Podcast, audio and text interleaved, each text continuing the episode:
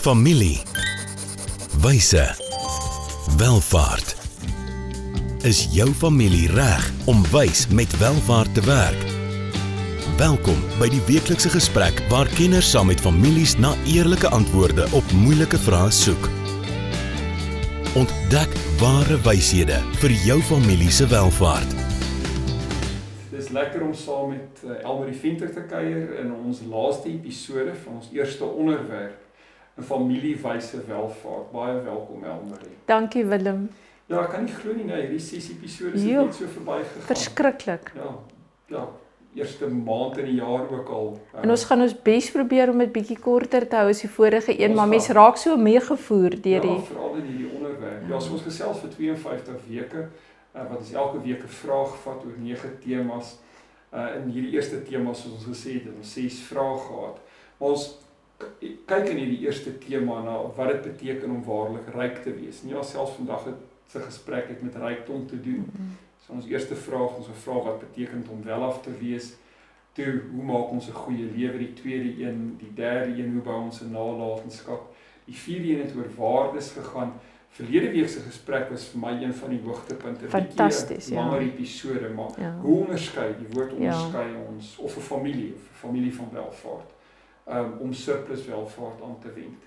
So dit bring ons by vandag se onderwerp, Elmarie, waaroor gesels ons? Ja, dis ook vir my 'n interessante ding en dit is hoe skryf mens ryk 'n familiegeskiedenis Ja. of en ek wil eintlik verder gaan om te sê maar het dit 'n invloed, jy weet, op Mm. ons welvaart en hoe ons onderskei in ons welvaart. Ja, so dit ja.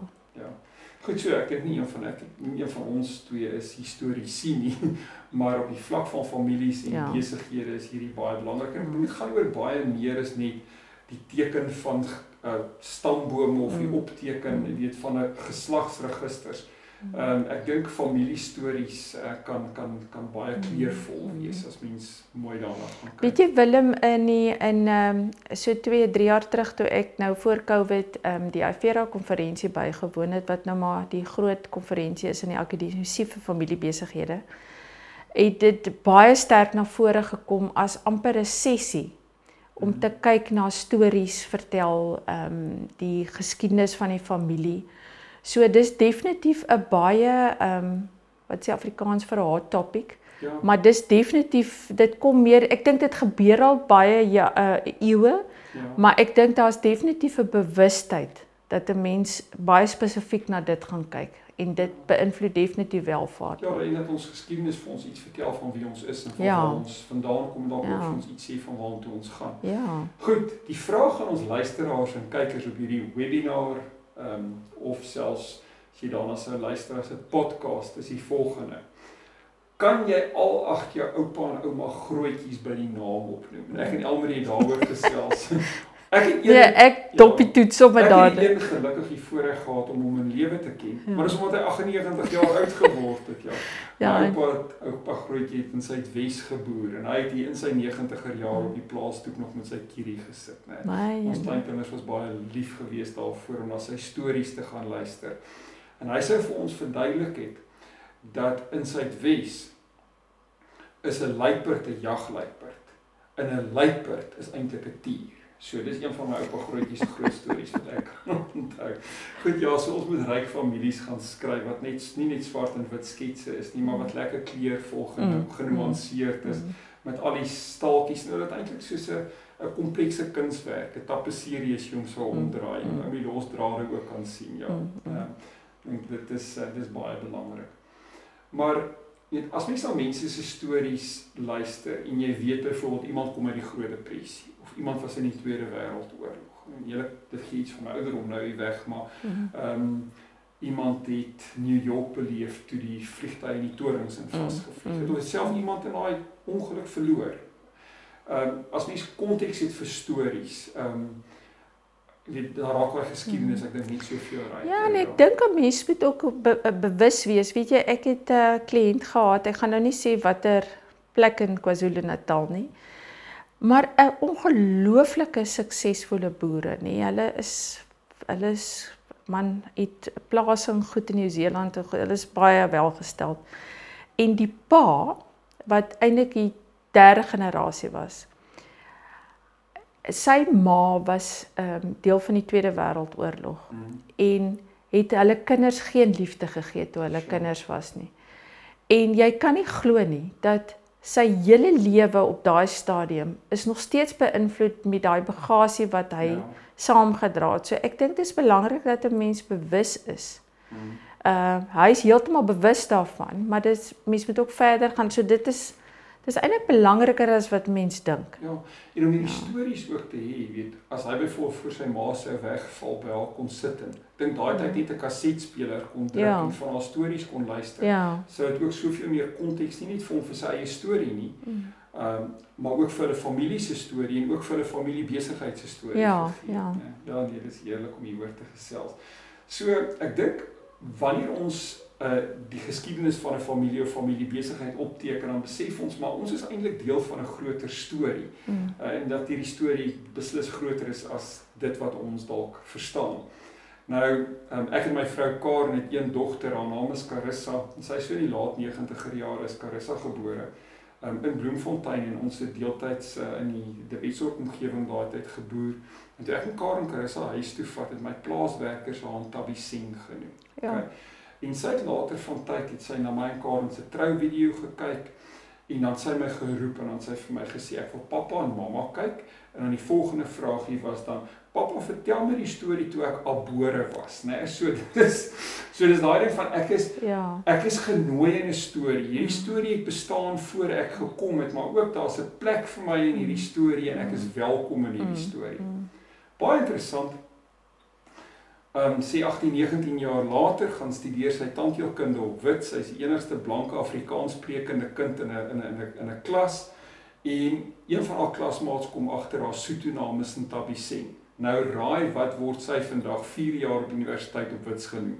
Ntabiseng. Ja, as so. Wonderlik, maar jy sou nee? geen konteks hê vir daai ja, storie ja, of wonderlik. Self, vir ons in ons familie of as ons in besigheid was as jy dit wonderlik. nie as jy dit nie kon vertel nie. Ja. Pragtig. So nee, merkwaardig. Goed, so gaan dink 'n bietjie oor julle eie familiestories. Dit eh, as ek terugdink aan my kinderjare in in Namibië in Suidwes, weet dis drukkend warm. Mm. En dan ons kinders moes uit die son uitkom en dan my ouma vir ons Tarzan boeke gelees. Oeg, en weet dit het my verbeelding as 'n seentjie aangegryp en ek kan onthou jaar net voor ek skool toe gaan, mm. het daar in die rapporte advertensie gekom jy kan 'n Tazen kleure boek bestel oor die pos. En toe ons die strokie kry het ek as 'n jong laaitjie poskantoor toe gehardloop, jy kon nog. En ek het daai strokie gaan ingee en ek het daai boek gekry en ek het daai boek vandag nog as 'n kosbare mm. geskenk en ek dink ek het my liefde vir lees daarvan af ja. gekry, weet so Ehm um, ja, daar's soveel daar's soveel wonderlike ja. stories wat ons Ja, is wonderlik. Maar waaroor ek spyt is, my ouma het ons familie se geskiedenis so goed geken. Sy's begrawe by my op die plaas in die Vrystaat en uh jo ek wens so hmm. voor sy uh, weggeval het dat ek net sommer met 'n uh, kasetopnemer by haar kon sit en 'n klomp van hierdie stories kon hmm. opneem. Dit is verlore nou ongelukkig. Weet jy, ek is in dieselfde posisie. My ma was 'n loets. Ja. Maar hulle hele geskiedenis is opgedateer. My kinders is in in hulle familieregister, maar my my pa se kant ja. selfde daai spyt van as ek dink hoeveel lewenslesse my pa was 'n karakoolboer in die Noord-Kaap. So dis ja. droë harde wêreld. Maar hy het ook met wingerd geboer en was twee keer deur 'n vloed. En as ek dink die waardes wat ons as kinders van hom geleer het. Ja. Maar ons het nie die detail daarvan gedokumenteer nie en dis my so hartseer. Ja. Ja. Maar dis nooit te laat nie. Mens nee. kan 'n uh, mens moet kan 'n begin maak. Ja, vriend, daar's ek dink daar's wonderlike ja. maniere om van die geskiedenis ja. op te diep. Maar ja, dink 'n bietjie oor jou eie familie geskiedenis, jou eie familie besigheidsgeskiedenis. Ons vinnig breek vir 'n kort handelsflits. Dankie aan RGG Adviesdienste wat hierdie fonds moontlik maak. Ons is nou terug. Hoe gaan dit met jou geld sake? En met jou? Jy sien, in die soeke na wins vergeet jy soms om jou beleggings met jou waardes te belyn. En dis wanneer dinge begin skeefloop. So, het jou beleggingsportefeulje waarde en ook waardes. RUG Adviesdienste sorg dat jou beleggings by jou pas, sodat jy trots kan wees op elke maatskappy waarin jy belê. Hoe jy geld maak, maak saak. Belyn jou beleggings met jou waardes. Kry jou finansies op koers met 'n persoonlike padkaart na ware welvaart. RUG. Wysheid vir ware welvaart. Baie dankie aan RIG uh, wat hierdie fonds moontlik maak. Ja, ons gesels lekker oor die ryk geskiedenis wat families uh moet skryf. En ek dink ons het baie oor nalatenskap al gesels Elmarie, maar weet hier familiegeskiedenis vorm ook deel van daai ryk nalatenskap. Ja, baie. Ja. Sê dit sê vir ons waar ons vandaan kom, maar ook op 'n manier wie ons is. Ja. En dit kan ook dink 'n klomp ehm um, gemeene uh, spasie vir ons skep om 'n basis te kry van waartoe ons op pad is as familie maar dan veral ook as familiebesigheid. Ja, en dit is wonderlik as jy dit het, jy weet ja. om dit uh, ek sien dit baie keer as ons nou navorsing doen of by kliënte kom veral op hulle webtuistes. Ja. Jy weet sal baie dit gebruik ehm um, veral in die boerderye om dit op te skryf en dit is tog dis tog indrukwekkend jy weet as jy ja. sien 'n familie kom al 150 jaar of Ja, daar's eintlik op baie webtuise baie keer 'n plek wat hulle hulle geskiedenis het ja. en wie is ons en ja. so. En ek dink dis juist wat mense met families en familiebesighede wil doen as mens in familiebesigheidsbeplanning hulle bymekaar trek en veral as jy gelukkig is om die verskillende geslagte bymekaar ja. te hê. Ehm um, wat is lekkerder as as die as die kleinkinders, die oupa en ouma, die pa en ma, almal wat in die besigheid dalk betrokke is ja. tussen die generasies. Ehm um, weet hier 'n videoetjie skiet daar met oupa onderhoud het en waar kom die besigheid vandaan ja. en 'n plakboek begin in 'n collage in 'n ja, maar op allerlei maniere, weet kreatief in woord en daad en kuns en ja, ja met ja, klank en musiek en ontsettend belangrik ja. Ja, ek dink en ek ja. dink ons ons uh, ons skep dit af ja. so. En ons het nou ook nie meer 'n verskoning nie want jy kan nou sommer net 'n videoetjie skiet op jou selfoon. Ja, baie waar. So dis eintlik baie makliker om nou iets te doen. Ja, of iets vinnig net opneem in 'n ja, oomblik, né? Ja. Ja, so maar hier moet ons ook die ops en as van die familie en die besigheid. Ons moet nie die mooi goed wys nie, ons moet die moeilike goed ook wys. Jy weet waar die familie risiko's byvoorbeeld in besigheid geneem het waar daar konflik binne in die familie was mm. en dan ook selfs waar hulle moes vasbyt en deurdruk en deursettingsvermoë moes wys. Ek dink mense vir die storie en al sy ryke fasette wil mense vertel. Ek dink wille mens leer die volgende generasie leer meer van die familie. Ehm um, as hulle harde tye beleef het ja. as die goeie tye. Dink die waardes word ook gevorm in daai Ja, tyd, nee, dit ja. is ek dink ek dink daai dit is waar jou waardevolste hmm. stories mm. dink ek lê. Nee, verseker. Nou goed. So die opteken van die geskiedenis het uiteraard 'n klomp feite, 'n klomp stories, maar dan agter hierdie lê iets baie diepers as hmm. net 'n geslagsregister of 'n stamboom. En dit is wat uh, bekend staan as die opskryf van 'n genogram of die teken van 'n genogram. Want die genogram vertel eintlik die skrips van ons hmm. lewens. Ehm um, dit gaan ook dalk vertel ehm um, dat hierdie broer dalk nie met daai een oor die weg gekom het nie of mm. dat hierdie suster weggebreek het van die familie mm. en 'n uh, konflik met die familie gehad het en daarna nooit eers 'n uh, familietroue of begrafnis mm. bygewoon het nie. Mm. Vertel ons 'n bietjie oor jou ervaring met genogramwerk. Ja, ek dink dit is baie belangrik. Ek dink um, ons gebruik dit nou as um, ons opleiding doen vir die konsultasiemaatskappye, dan gebruik ons dit as een van die uh, gereedskap uh, tools wat hulle kan gebruik. Ja. Maar ek dink dis dieper as wat mense dink en miskien kan jy nou nou daaroor iets sê want ehm um, die genogram is 'n is 'n visuele tekening van wie's getroud, wie 'n ja. gebroke verhouding met wie. Ja. Ehm um, maar dit jy weet soos jy in die begin gesê het van van ehm um, vandag se episode dit moenie net 'n gevalstudie wees mm. of 'n jy weet jy moet amper dit ehm um, persoonlik maak dat 'n mens gaan opteken, maar wat lê agter daai streep of die gebroke streep ja. of die stippellyn? Maar ek dink ek vind dit baie handig. Ehm um, ja. soos ek sê, ek as 'n konsultant gebruik ek dit met meer in diepte. So ek begin met die genogram en dan sal ek nou vir myself tekeninge maak. So ek skryf amper uit my oogpunt die familie se geskiedenis daar.